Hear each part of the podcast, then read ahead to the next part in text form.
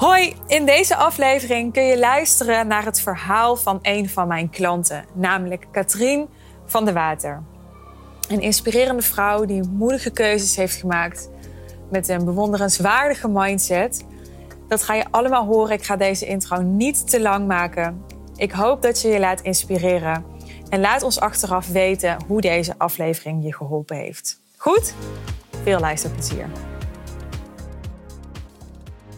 Welkom Katrien in de podcast. Superleuk dat je er bent. Hi sis, dankjewel voor de uitnodiging. Wij hebben de afgelopen maanden intensief samengewerkt. En ik wil heel graag jouw verhaal delen, want ik ben heel trots op jou en heel trots op onze samenwerking. Mhm. Dus ik wil heel graag dat uh, meer mensen jou leren kennen en dat meer mensen geïnspireerd kunnen worden door jouw verhaal. Oké, fijn. Eerst over jou. Kun je wat delen over jouw track record als ondernemer, zodat mensen een gevoel krijgen bij jouw achtergrond? Ja, uh, ik ben nu 45 jaar. Ik, uh, zoals je hoort, uh, heb ik een Belgisch accent, dus ik woon in, in België.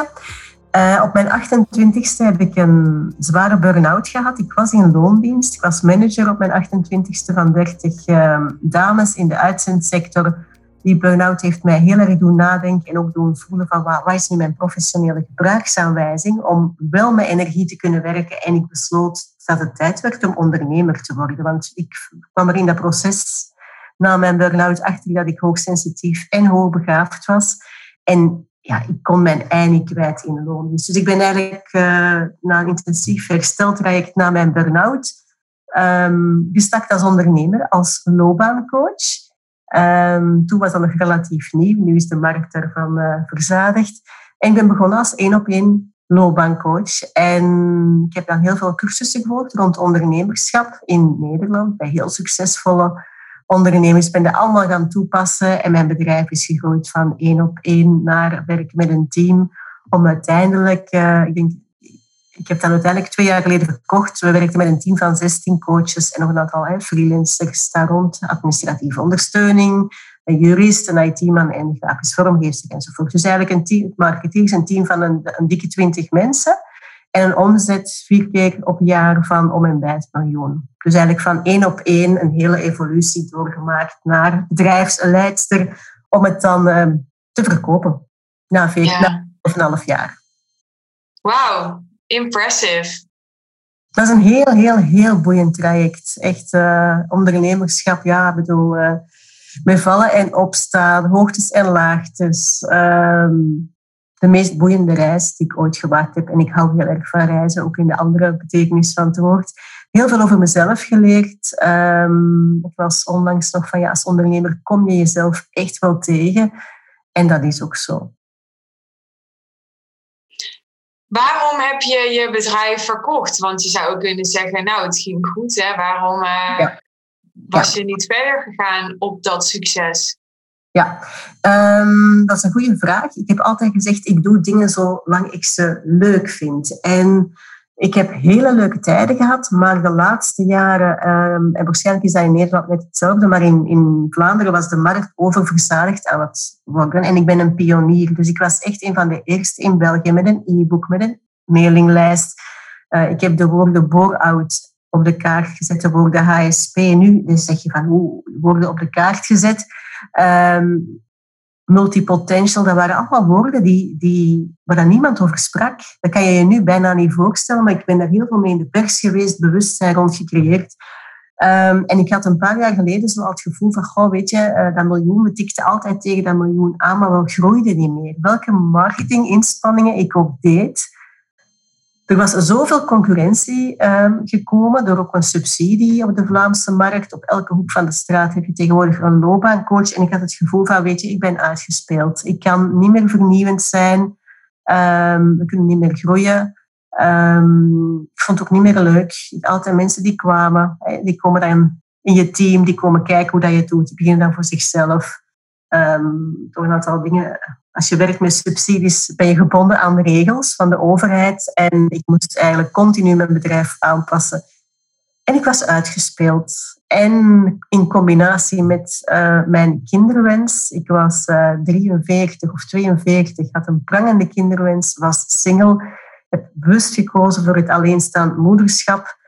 En de combi van uitgespeeld zijn en een vurig verlangen om moeder te worden en dat niet te kunnen combineren met het bedrijf wat ik toen had, deed mij beslissen van kijk, als er een koper in het vizier komt, dan ga ik in gesprek en dan kijken we wat we kunnen doen. En zo geschieden. Ja. Eigenlijk de handtekening gezet op 1 april 2019 en op 24 mei ben ik bevallen van mijn zoontje. Dus in hoogzwangere toestand ehm, heb ik afstand gedaan van het bedrijf. En dat voelt heel oké. Het verhaal was... Ja, je noemde al even dat uh, bewust alleenstaand moederschap. Daar is, dat is ook zoiets waar ik zoveel respect voor heb bij jou. Wat ik heel typerend voor jou vind, is dat jij ergens voor kiest en er dan helemaal voor gaat. En dat klinkt misschien afgezaagd, want ik denk dat heel veel mensen denken dat ze ergens voor kiezen en er dan helemaal voor gaan. Maar jij leeft dat echt. Bij jou is dat echt next level, heb ik gemerkt. Weet je wel? Dus jij had die kinderwens, om het even over die kinderwens te hebben. Mhm. En nou, je hebt volgens mij heel veel voor moeten doen om die te verwezenlijken, toch? Ik denk dat dat ook een inspirerend verhaal is. Wil je daar iets over zeggen? Absoluut. Um, ik wil daar zeker iets over delen. Ehm, heel veel. Ik heb er vannacht nog over liggen nadenken. Van, goh, hoeveel heb ik daar eigenlijk voor gedaan? Ik was zo naar mijn zoontje aan het kijken, terwijl dat hij sliep en mijn hart liep zo over van dankbaarheid. Ik dacht, goh, dit is toch echt allemaal zo waard geweest. Um, ik ga niet alle details vertellen, maar um, ik, op mijn 38ste begon die biologische klok dus serieus te tikken. Dat getal van die 40 kwam in zicht en ik had geen man. Ik ben dan uitvoerig gaan daten, um, maar helaas niet heeft opgeleverd wat ik wilde. En dan, ik denk rond mijn 41, ben ik echt effectief gaan kijken hoe kan ik dat nu alleen doen. Uh, rekening houden met uh, juridische beperkingen in elk land. En in België is anoniem donorschap de norm. Tegenover Nederland hè, is het net omgekeerd. En ik heb dan een zoektocht gedaan via Denemarken. Ik wilde de anoniem donorschap echt vermijden.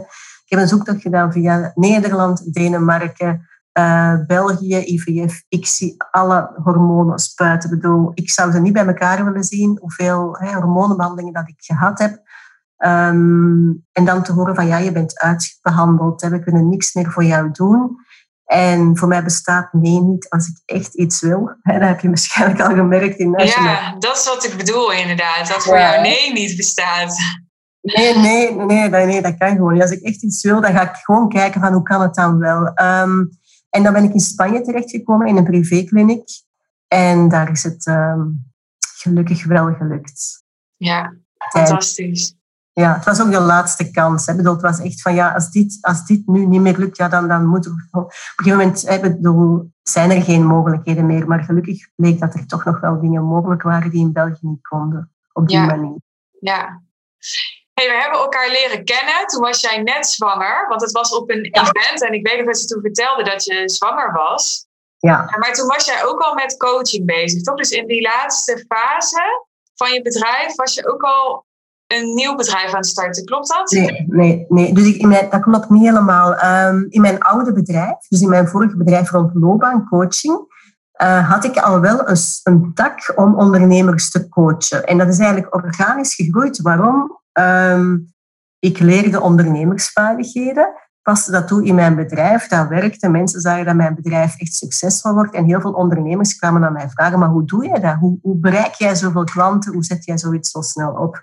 En dus ben ik mij de, al heel lang, uh, op het moment dat ik met een team ben gaan werken, ben ik het stuk rond van de ondernemers gaan doen. Dus binnen dat grote bedrijf was er al één tak gericht op het coachen van ondernemers en dat deed ik zelf. Al de rest van de coaching besteedde ik uit. En wat ik gedaan heb, is al de rest verkocht en dat stuk rond ondernemers heb ik eruit genomen en dat in een nieuw bedrijf gestopt, wat dan Passion for Business is geworden en een aparte website voor opgericht na mijn bevallingsverlof. Dus wat ik deed was niks nieuws. Um, ik heb het alleen in, in, een nieuw bedrijf gestopt. En ja, wat ik nu doe is wel, door de coaching met jou, is het wel, heeft het wel een heel nieuw elan gekregen.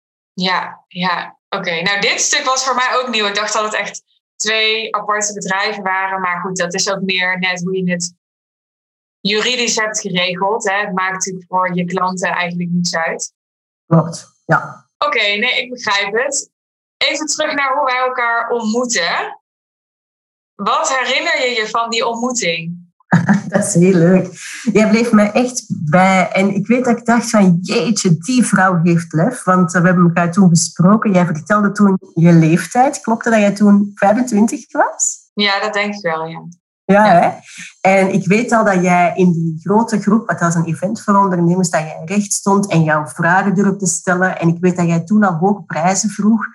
Ik had zoiets van, wow, zij heeft lef om dat te durven. En ik bedoel niet minachtend, maar echt heel erg van de bewondering. Van, ik bedoel, jij stond er, jij, jij stelde vragen in zo'n grote groep. Iets wat ik zelf niet zo goed durf. ik ben nogal verlegen. Um, en dan ook zo'n hoge prijzen vragen op die leeftijd. Dat maakte dat ik dacht van, dat is een interessante vrouw om te volgen. En dan ben ik jou beginnen volgen via social media. En uh, intussen zijn we zoveel jaar later en uh, zijn we nog steeds in contact. Ja, maar er was dus een moment, nadat je mij al een hele tijd volgde, dat je mij een berichtje stuurde en zei: Hey, kunnen we bellen? Weet je nog wat de trigger was voor jou om op dat moment dat berichtje te sturen? Ja, um, het was een combinatie van twee zaken. Enerzijds had ik in begin september vorig jaar beslist van mijn doelgroep, die eerst veel algemener was. Mijn doelgroep was, ik help ambitieuze ondernemers.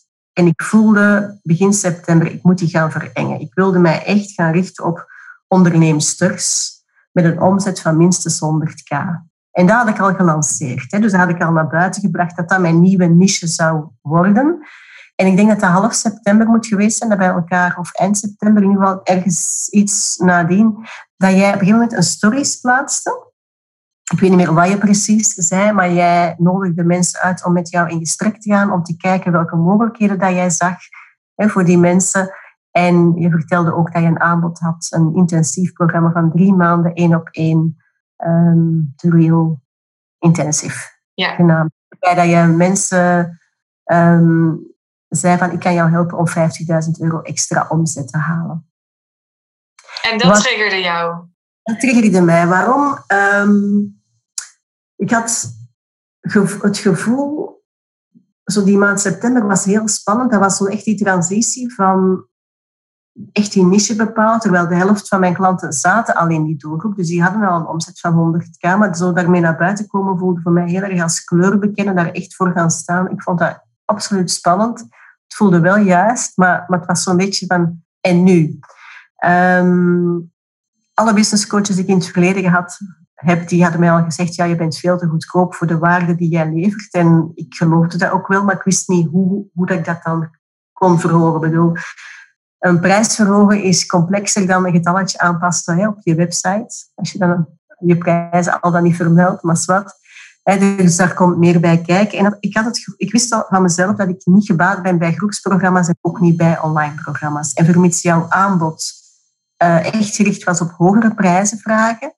Um, ik vond ook jouw presence op de social media altijd heel inspirerend. Wat jij zei, it makes sense. Uh, hoe dat jij dat deed, vond ik ook echt heel professioneel. En ik had het gevoel van, ik kan van Suus heel veel leren. En we zijn in een gesprek gegaan, die strategie-sessie, en ik moest daar niet over twijfelen. Dat was direct van, dit voelt goed, dit sluit aan bij mijn noden, het is het juiste moment. Dus let's go, we gaan eraan beginnen. Dus er was niks wat je in dat gesprek moest overwinnen om ja te kunnen zeggen? Nee, nee. Dat vind ik ook zo typerend voor jou. Ik heb denk ik nog nooit een klant gehad die zo snel en vastberaden ook ja zei als jij. En dat is zo typerend voor jou, vind ik. Als jij iets wil, dan, uh, dan is er eigenlijk niet eens meer een nee, maar ook niet een twijfel. Of zo. Nee. En, en dat vinden mensen heel veel vreemd. Ik heb dat ooit gehad als ik een auto ging kopen. Ik ging binnen in de garage, ik zei die. En die man was totaal verbouwereerd, want die moest niet verkopen. Hij zei, wil je die auto nu testen? Nee, nee, nee. Ik zeg, die wil ik. Ik zeg, ja, kom maar, kan ik dat tekenen? Hetzelfde in die kliniek in Spanje. Ik kom daar binnen, ik had erover gehoord. Ik kom binnen en ik zeg, kijk, ik wil het, het, het pakket met de hoogste slaagkans. Dat was dan ook het duurste, maar ik bedoel, dat maakte mij niet uit. En die mensen hadden zoiets van, oké. Dus ja. heel koopsproces hoeft niet als ik overtuigd ben van dit zijn de mensen die mij kunnen helpen om om dat te bereiken. Dus ja. blijft zeer atypisch. ik heb dat nooit beseft, maar ik hoor het nu van jou ook weer. En ik herinner mij de man uit de garage die zijn ja. van verkopen niet kan doen en de mensen in Spanje die dat ook wel bijzonder vonden. Maar het lijkt me ook lastig, want er zijn heel veel mensen die wel die twijfels en bezwaren hebben. En als je dat zelf niet goed kent, hoe begeleid je ze daar dan bij? Vind je dat moeilijk? Ik kom, ik kom heel veel mensen. Ja, ik vind dat wel moeilijk, omdat ik dat zelf inderdaad niet ken. Uh, maar ik moet zeggen, en misschien ben ik dan toch nog te goedkoop, dat er toch ook heel wat klanten zijn die, die geen bezwaar hebben en die zoiets hebben van oké, we starten met traject. Ofwel trek je like-minded people aan, ik weet niet wat dat is. Um, maar zo twijfelen, ja. Ik heb ik zit nu in mijn jaartraject, dus in die tien maanden gaan die prijzen nog wel omhoog, denk ik. Jou kennen er wel, hè? Je gaat me stretchen. Ja. Zeker. Even nu we het toch over die prijzen hebben. Je zei net, ik heb vaak gehoord in het verleden dat mijn prijzen te laag waren. Ik wilde mijn prijs verhogen, daarom kwam je bij mij. Maar waarom wilde je eigenlijk die prijzen verhogen? Want je had ook kunnen denken, joh, mensen zeggen nu gemakkelijk ja tegen mij. Ik heb zo'n goed leven. Hè, wat, wat was de point. Het was, het was, inderdaad niet slecht, want ik had het eerste jaar, um, om het plaatje te schetsen, het was, het was niet slecht. Want ik had het eerste jaar dat mijn zoontje geboren werd, had ik bewust drie uur kinderopvang per dag, omdat ik veel tijd met hem wilde doorbrengen. Dus ik werkte die drie uur en ik werkte s'avonds wel. En ik had een omzet van 150.000 euro. Met, met niet heel veel uur werken. Dus op zich was, was, was, was de situatie niet, uh, niet, niet erg of niet verkeerd. Maar ik wilde uitgedaagd worden. Ik had zo het gevoel van, goh, weet je, ik kan dat nog wel, dat kunstje kan ik nog wel eens herhalen. Maar ik wilde bijleren. En ik wist ook van, er, er is meer mogelijk dan wat ik nu doe. En ik wilde weer aanstaan. En dat, eerste jaar was dat oké van dat zo te doen. Ik bedoel, dat was een beetje een, overleefjaar. Um, maar ik wilde het wel anders, zodra ik terug wat meer tijd kreeg. En dat gaat echt over uitgedaagd worden, leren. En ik merk ook dat, door, dat ik door het traject te volgen bij jou, dat ik een veel betere coach geworden ben voor mijn eigen klanten. Kun je dat toelichten? Ja, ik zit in heel veel dingen. Um, door zelf intensief door zo'n proces te gaan, is mijn empathie veel groter geworden. Dat wil zeggen, ik heb nu veel meer, um, ben veel meer bewust van de ongemakkelijkheden, waar dat zij, oncomfortabele dingen waar dat zij doorgaan. Hè. Groei ligt buiten de comfortzone. Dat is echt geen cliché, dat is echt zo. Ehm, ik heb dat ook zelf ervaren in het traject hè, met jou. Ik wil daar zo dadelijk nog wel iets over vertellen. Ik ben daar nu veel meer bewust van. Dat dat, dat, dat, dat bedrag dat ik noem en dat het feit dat die klanten zich zo blootgeven, dat die zo mij het vertrouwen geven, dat dat, dat, dat voor die mensen wel wat betekent. En vroeger uh, waren de bedragen uiteraard veel minder, dan stond ik daar veel minder bij stil. Dat is het emotionele aspect waar ik veel meer begrip voor heb en waardoor ik toch wel denk dat ik een veel betere coach ben. En daarnaast is er het inhoudelijke dat ik mijn klanten ook leer om zelf hogere prijzen te vragen. En hun aanbod eh, veel interessanter te maken en hun business anders in te richten. Dus zowel het emotionele als de kennis aan zich maakt dat ik hen nu veel beter kan begeleiden dan een jaar geleden. Ja, interessant. Hoe heb je de samenwerking met mij ervaren tot nu toe? Um, heel fijn. Dat is natuurlijk uh, een algemeen woord. Ik ga dat toelichten. Um, heel praktisch, heel concreet, heel to the point, heel betrokken. Um, ik ben niet op onder de indruk van iemand, maar ik heb een waanzinnig respect voor jou, omdat jij bij elke vraag die ik stel, en ik heb er heel veel gesteld, dat jij altijd um, meteen met kennis van zaken mijn antwoord kon geven. En de wijsheid en de kennis die jij hebt op jouw leeftijd, ik heb het jou nog gezegd, hè, die, is, die is gewoon fenomenaal. En ik kom dat bijna nooit tegen. Ik heb dat ook nodig. Uh, dat ik heb sterke figuren nodig. Want ik, bedoel, ik heb al een bepaald traject afgelegd als ondernemer. En ik, ik wil ook echt van iemand kunnen leren. En ik, ik kan van jou ontzettend veel leren op een hele fijne manier. Op een manier die ook aansluit bij, bij mijn noden. Wow. Zowel als emotioneel. Dus, dus daarom vind ik een hele fijne samenwerking. En moest ik ook niet twijfelen om nog uh, na die drie maanden te verlengen naar een jaartraject. Super. Kan je iets specifieker zijn over de, de kennis of wijsheid of emotionele support die je bij mij kunt halen, zodat mensen zich daar een voorstelling bij kunnen maken? Ehm, ja, qua kennis um, gaat dat heel praktisch en concreet over uh, bijvoorbeeld feedback op een bepaalde pagina op de website of um, copywriting skills. Als ik een, een artikel schrijf voor mijn mailinglijst, dat jij vanuit jouw kennis en ervaring feedback gaat geven. En niet één keer, maar uh, meer dan één keer. Um, dat ik cases van klanten kan voorleggen aan jou. Van kijk, ik heb een, salesgesprek gehad en die klant zei dit en dit. Dat jij vanuit jouw kennis gaat zeggen, oh, maar ik kan het misschien zo aanpakken of een keer zou je het zo kunnen doen. Dus dat is op vlak van kennis. een aantal voorbeelden. voorbeelden. Um, op vlak van emotionele betrokkenheid. Um, ik ben op een gegeven moment door een heftige periode gegaan. In die zin, ik ging mijn prijzen verhogen. Ik ging ze van de website halen, want vroeger stonden ze erop.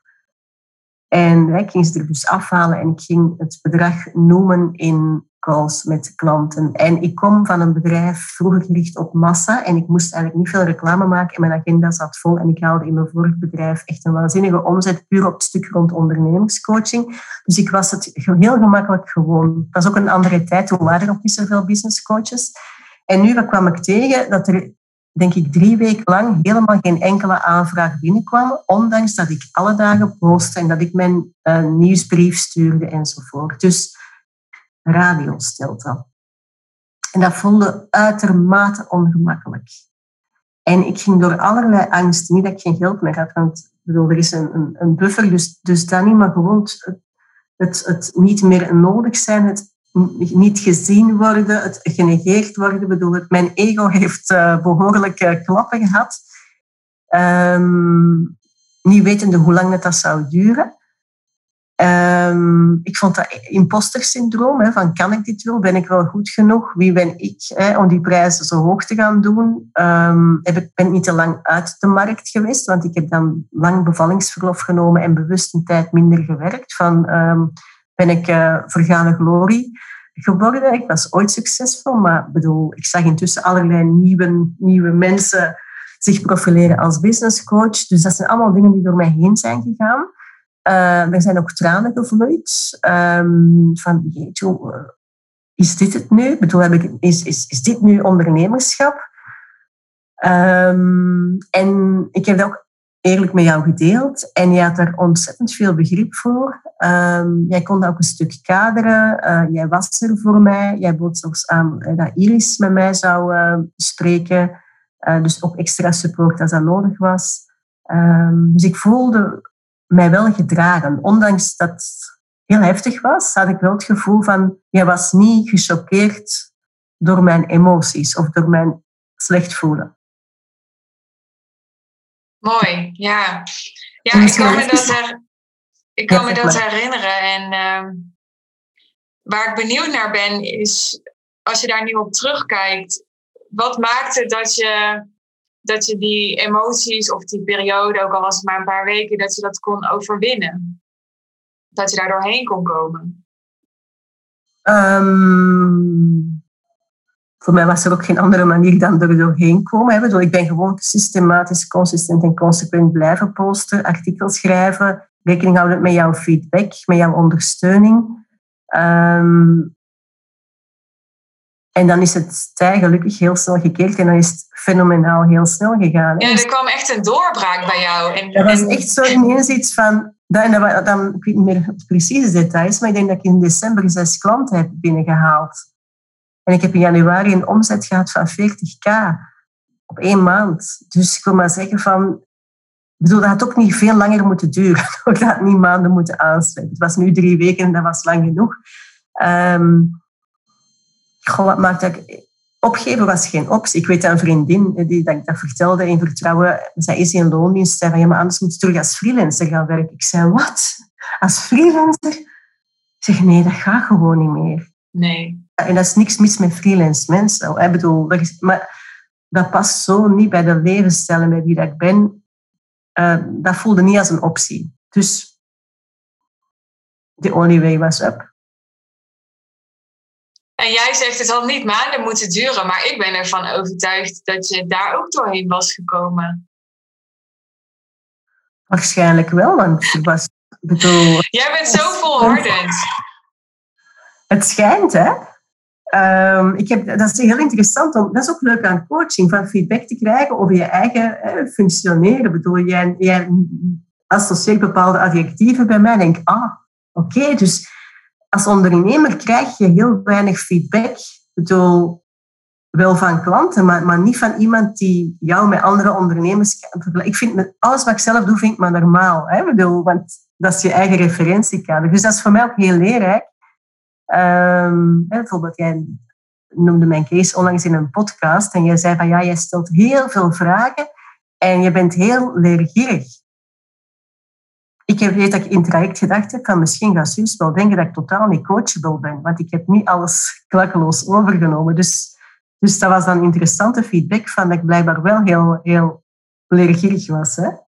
Ja, om daar even op in te haken. Ik uh, ben helemaal niet op zoek naar klanten die alles klakkeloos van mij overnemen. Dat is iets heel anders dan coachable zijn. Ja, coachable mhm. zijn is dat je het allemaal kan ontvangen. En wat je er vervolgens mee doet, is natuurlijk helemaal aan jouzelf. Maar er is een mhm. groot verschil tussen het kunnen ontvangen en het kunnen dragen, zonder dat je gelijk helemaal uit je centrum raakt. Of je aangevallen voelt, of helemaal in zak en as komt te zitten, of uh, boos wordt, of wat dan ook. Hoewel ook die emoties er mogen zijn, maar ja, ik denk dat je coachable bent als je het kunt ontvangen en kunt dragen. En ja, daar ben jij eh, super goed in. Ik vond dat uh, altijd de intentie van jou heel zuiver was. Hè? bedoel, dat jij er echt was om mij te helpen. Wil ik niet zeggen, uiteraard ben ik er om jou te helpen, want ik ben toch coach. Um, maar ja, die, dat voelde er zat nergens, nooit heb ik een gevoel dat er ruis zat. In, dat kan ook intermenselijk zijn, hè? Dat, er, dat er ruis zit, op wat voor manier dan ook. Maar dat heb ik nooit gevoeld en dat was ook heel fijn. Mooi. Ik wil nog even aanhaken op dat stukje vragen stellen. Want het klopt inderdaad dat zij veel vragen stelt. En mijn ervaring is dat heel veel mensen, en vooral uh, vrouwen, maar ook mannen hoor, daar moeite mee hebben. Ik heb mezelf daar redelijk over verbaasd in mijn huidige bedrijf, want ik ben ook iemand die heel makkelijk vragen stelt. Ik herken ook veel van mezelf in jou. Maar ik heb ook veel klanten die dat lastig vinden. En ik vraag me af, um, wat maakt dat het voor jou zo makkelijk of vanzelfsprekend is om dat te doen? Het zou voor mij heel moeilijk zijn om het niet te doen. Om, ik zit zo gewoon in elkaar, tot verveling, tot vervelens toe van heel veel mensen rondom mij. Ik bedoel, ik was in de klas als kind al iemand die heel veel vragen stelde en vragen die geen enkel ander kind stelde. En de leerkrachten vonden mij een heel vervelende leerlingen, ook in de klas, want oh, daar, is, oh, daar is er weer mijn vraag. Ik bedoel, de meeste leerlingen zaten er gewoon als schapen in de klas te luisteren, een uur te doen. Ik dacht, ja, als je dan toch moet zitten, ja, dan wil ik hier wel het beste van maken. En ik ging vragen stellen. Ja. ja dan wil ik de strever. En dus dat werd nooit in dank afgenomen. Niet van de leerlingen, niet van um, de leerkrachten, ook niet van mijn baas. Als ik in loondienst was, ik ging ook weer vragen stellen, werd weer... Uh, dus ze vonden mij over, overal een hele vervelende. ik heb me daar ook heel alleen in gevoeld. Van, dat was gewoon mijn natuur. Dat was niks, niks, niks bedoeld, maar ik had gewoon vragen. Ja. Ik kan me voorstellen dat mensen denken... Maar zij is zo zelfstandig, weet je wel, zo gewend om alles zelf wel te rooien. En dat is wat ik bij andere klanten zie, dat die zijn dan zo zelfstandig, die zitten helemaal in een houding van ik los het zelf wel op. Maar dat herken jij dus niet. Want ik zoek echt bewust op heel veel terreinen in mijn leven hulp. Ja. Ik los het zelf wel op door in de zin van uh, ik ga wel echt voor mijn dromen, maar om dat te realiseren, ga continu leven met open zintuigen en kijken van um, ja, wie, wie kan mij daarbij helpen. En een, een mooi voorbeeld, of hoe dat misschien ook wel komt. Um, ik heb, ben drie keer van nul begonnen in een ander land dan België. Dus ik heb zes jaar in Nederland gewoond, ik heb uh, drie jaar in Andalusië gewoond en twee jaar op Ibiza. En daar zit niemand op jou te wachten. Hè. Bedoel, ik kom daar aan en niemand kent mij daar. En, en, en dan moet je van nul beginnen. En dat zijn hele vanzelfsprekende dingen waar je nooit bij stilstaat. zijn dat je emigreert, is van je moet een kapper gaan zoeken. Je moet een restaurant. Niemand, niemand kent jou. Dus alles moet terug van nul. En, je, en dat vraagt ook een nederigheid en een openheid en een hulp durven vragen. Um, en ik weet niet wat dat eerst is, of ik dat al had, of ik dat daardoor geleerd heb, dat weet ik niet. Het is voor mij zo natuur geworden. Um, maar ook in die, in die reis naar die kinderwens, hè, of nu ook als alleenstaande moeder, van, ik vraag heel vaak aan andere vrouwen van, oh, hoe doe jij dat? Um, of aan coaches, gewoon le leven met open zintuigen. Mooi. Mooi, want ik hoor ook wel eens van mensen dat ze zoiets hebben van, nee, ik wil die hulp niet, ik wil kunnen vertrouwen op mijn eigen kompas of dat soort dingen. En hoe kijk jij daarnaar? Ik vind het een het andere niet uitsluiten. In die zin, ik ga mensen vragen, hoe doe jij dat? En dan ga ik naar een innerlijke kompas voelen van, ja, is dat de weg die resoneert bij, bij hoe ik wil gaan? Maar ik vind het wel om die verschillende invalshoeken te horen, om gewoon te weten van, wat is er nog mogelijk? Ja, ja. Nou, ik ben dus ook zo'n vragensteller, zo enorm leergierig. En ik sprak afgelopen weekend met iemand met wie ik in een coachingsprogramma heb gezeten. En zij biechte dus op aan mij dat ze zich er echt aan geërgerd heeft. Want het was dus een, een groep. Dat ik um, zoveel vragen stelde altijd. En zij was heel eerlijk daarover. Ze zei, ja, ik werd daardoor natuurlijk ook gewoon gespiegeld. Want ik, ja, ik durfde dat niet of ik kwam daar niet op. En, en jij was daar elke keer. En toen realiseerde ik me wow, ik heb eigenlijk nooit gedacht dat mensen zich hier aan konden ergeren. En toen realiseerde ik me, dit is misschien waarom andere mensen bang zijn om zich uit te spreken. Omdat ze denken, oh, maar misschien ergeren ze zich dan wel aan mij. Maar is dat iets wat jij misschien herkent? Heb je daar last van? Of lukt het je om je niet zoveel aan te trekken van hoe mensen over je denken of welke mening ze over je vormen? Dat is een hele, een hele interessante. Ik ga heel eerlijk zijn. Hè. Onlangs hadden we de tweedaagse, event, met een aantal andere mensen die het jaarprogramma volgden. En dus in al mijn enthousiasme uh, ging ik daar ook weer vragen stellen. En er was een moment dat ik dacht van, oei, ben ik nu niet te veel vragen aan het stellen? Dus dat is wel even in mij opgekomen, van ja, misschien dat ze zich nu ook ergeren. Maar dan dacht ik, ja, dan ergeren ze zich maar. Ja. Dus wel even in me opgekomen. Maar ik heb dan niet, ik heb dan niet mijn vragen Nee. Um, en in het algemeen, onlangs was er iemand in de speeltuin, een, een, mama met een kindje, en die kwam naar mij en die zegt, mag ik jou eens een persoonlijke vraag stellen? Ik kende haar helemaal niet. Ik zeg, natuurlijk mag jij mij een persoonlijke vraag stellen. En zei, hoe oud ben jij? En ik zei dus in het begin van de podcast dus dat ik 45 ben. En zij had een kindje van dezelfde leeftijd en zij wilde een tweede kindje. En zij is 44. En zei, oh, ik wil echt een tweede, maar ik ben zo bang voor de kritiek en de meningen van anderen. Maar weet je, ik ga emigreren naar Berlijn en daar kent mij, niemand mij en daar gaat niemand mij over aanspreken. En ze zegt, word jij daar nooit over aangesproken, omdat je op latere leeftijd moeder geworden bent? En, of krijg je daar geen kritiek op? Zo vroeg ze het. Uh, ik word er wel over aangesproken, maar ik zeg vaak van kritiek zeggen mensen heel vaak achter je rug, maar niet vaak tegen jou. Hè?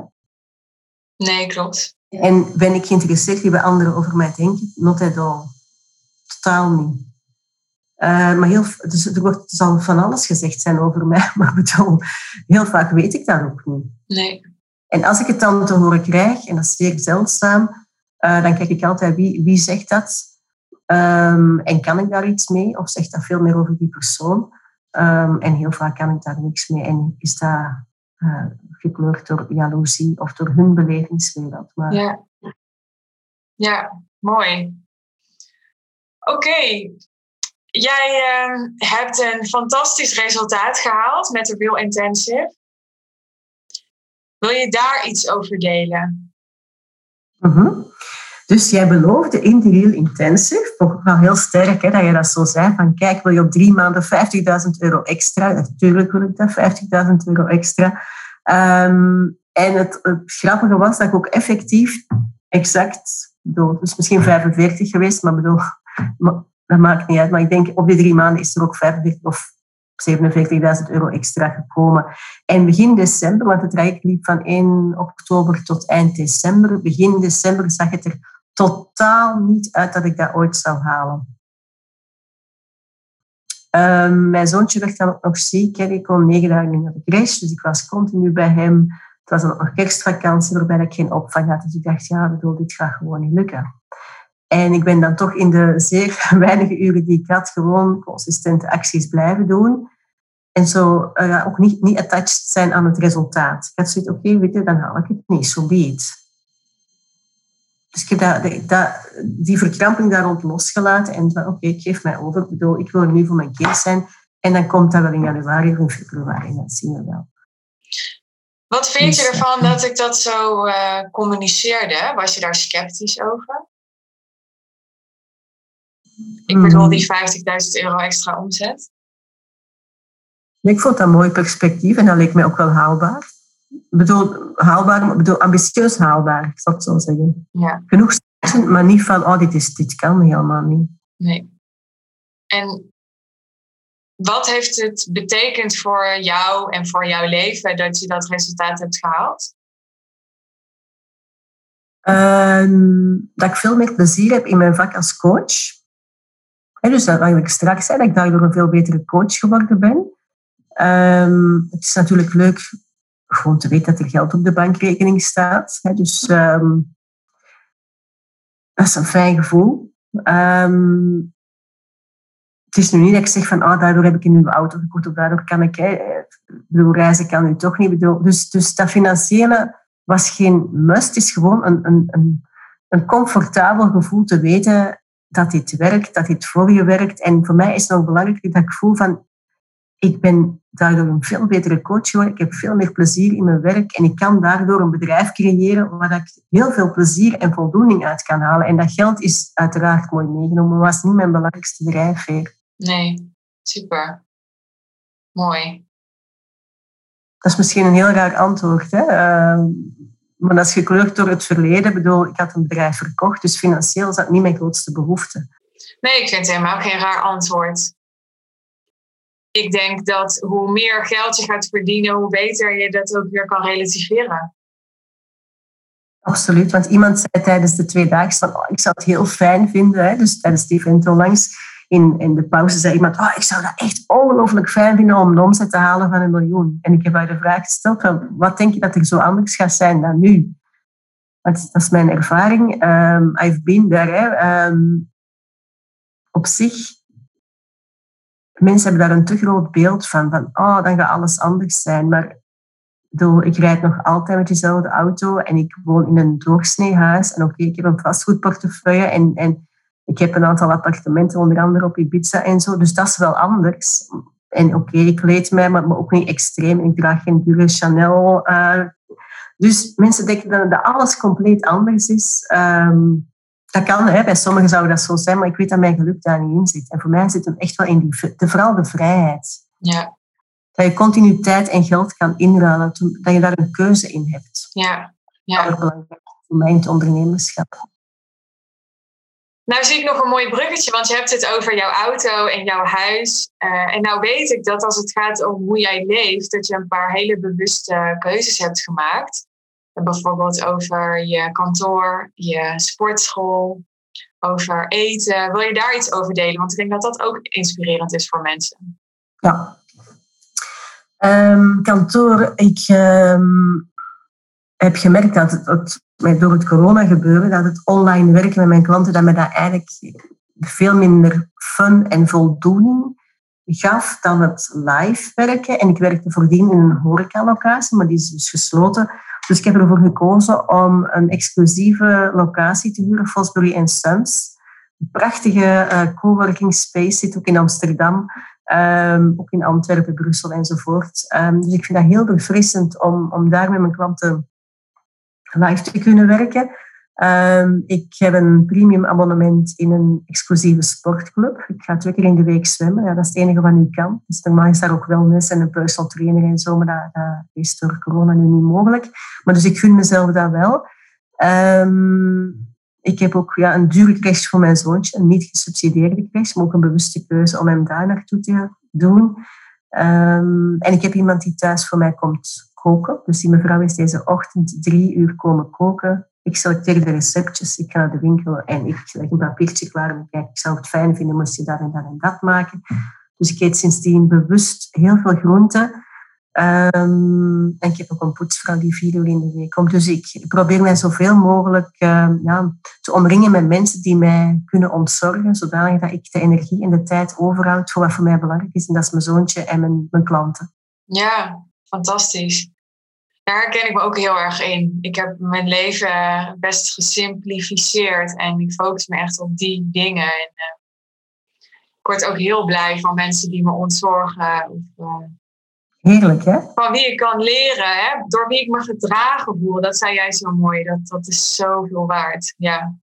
Absoluut. Ja. Uh, en ook als coach ben je ook heel vaak aan het zorgen voor je klanten zonder hen te willen redden. Maar dan is het ook fijn dat, dat er voor ons ook gezorgd wordt. Hè? Ja, ja. mooi. Oké, als je mij zou moeten omschrijven tot slot aan mensen die, ja, die mij niet kennen of die misschien alleen een heel oppervlakkig beeld hebben van plaatjes op Instagram, hoe zou je mij dan omschrijven? ik heb het onlangs gedaan aan een vriendin en het woord dat ik gebruikt was briljant. Nou, dat is wel heel veel eer. Ja, sorry, you, you can call her. Ik bedoel, je kan het haar vragen. Ja, echt. En, en um, ik vind dat daarmee alles samengevat is wat, wat ik daar straks uh, zei. Nou, dan uh, laten we het daar maar bij. ik word hier heel verlegen van. ik word hier ook niet voor betaald, hè, luisteraar, om dit te zeggen. Dus. oh ja, goede toevoeging. Oké, okay, nou allerlaatste dan. Voor mensen die misschien iets over de Real Intensive hebben gezien of twijfelen of denken nou, ik weet niet of het wel voor mij is, ik weet niet of het wel voor mij haalbaar is of dit is misschien niet het juiste moment. Wat zou je tegen hen willen zeggen? Goh, ik denk dat ze hun gevoel moeten volgen. Als ze ergens het verlangen voelen van kijk, het, kan anders, het kan beter dan hoe het nu is. Um, de vraag is, waarom zouden ze het niet doen? En hoeveel kost het hen in tijd, geld en energie als ze het niet doen? En gaat er ooit een goed moment zijn? Het is eigenlijk een commitment van, kijk, het, het um, naar je verlangen toe, om je verlangen ook serieus te nemen. En wat is dat verlangen dan? Hè? Want je zegt net zelf ook, het gaat eigenlijk niet om het geld. Dus welk, welk verlangen zouden ze dan moeten voelen om heel passend te zijn voor dit traject? Ik denk dat dat voor iedereen anders is. Misschien is dat voor sommige mensen wel het geld. Het hangt allemaal af van, hè, van de situatie waarin ze zich bevinden. Uh, voor mij was dat het, uh, de belevenis en vooral ook terug het gevoel hebben dat ik dingen bijleerde op businessvlak. Ook al had ik terwijl je dus al zoveel business coaches hebt gehad. Hè? Ja, sorry, ik had beloofd dat het de laatste vraag was. Maar Maakt niet ik, ik, uh, ik denk dat dit gewoon interessant is voor mensen om te horen. Want je zegt dus, ja, ik wilde bijleren op businessvlak. Maar je hebt al heel veel mentoren hiervoor gehad. En niet de minste. Absoluut. Absoluut. Ik dus, heb mij altijd steunen. Maar ik wilde nu net bijleren over de high-level ondernemen. Ja. En andere dingen die ik daarvoor had geleerd, hadden te maken met massamarketing. En die dingen hadden gewerkt. Dus ik heb die allemaal toegepast, ik heb die allemaal gezien, maar ik werd er niet meer warm van. Ja. Dus ik wilde zelf gestretched worden en het gevoel hebben van, oh, ik ben weer nieuwe dingen aan het leren. Uh, um, en ook de belevenis van, van, ik had het gevoel van, ik ga met jou drie maanden op reis. Ook al bedoel, was het heel veel online, maar ik ga door een traject en, en ik ga kijken waar je mij dat overal brengt. Dus die nieuwsgierigheid ook weer. Ja. Dankjewel, Katrien. Heel graag gedaan, Suus. En ik hoop dat het uh, heel veel mensen mag inspireren om uh, ja, met jou uh, in zee te gaan. Ja, nou, ik wil je heel erg bedanken voor onze samenwerking, voor je tijd en voor je eerlijkheid tijdens dit interview, je openheid. En ehm, ik zou zeggen aan iedereen die luistert, uh, je bent heel welkom om Katrien zelf te gaan volgen natuurlijk. Wil je nog even delen waar mensen jou kunnen vinden? Ja, dus op Instagram, mijn naam is Katrien, K-A-T-R-I-N van de Water. En mijn bedrijf heet Passion for Business, dus www.passionforbusiness.be. Super dat je tot hier hebt geluisterd naar deze aflevering. Ik heb enorm genoten van dit gesprek met Katrien. Niet alleen omdat ze heel lief voor me was, maar ook omdat ik het zelf inspirerend vind om naar haar te luisteren. Tot slot, mocht je ook willen deelnemen aan de Real Intensive en in de voetsporen van Katrien willen treden, je bent heel erg welkom om een call te boeken met mij en te bespreken of dat dit aanbod nu heel goed bij jou past. Dat kan door te klikken op de link in de beschrijving bij deze aflevering. Daar vind je alle informatie over de Real Intensive en dus een boekingstool waarmee je een call inplant. Wacht niet te lang, we starten in maart en er zijn slechts drie plekken beschikbaar. Je hebt niks te verliezen, dus als je twijfelt, boek een call en dan spreken we elkaar wellicht binnenkort. Heel graag tot de volgende aflevering.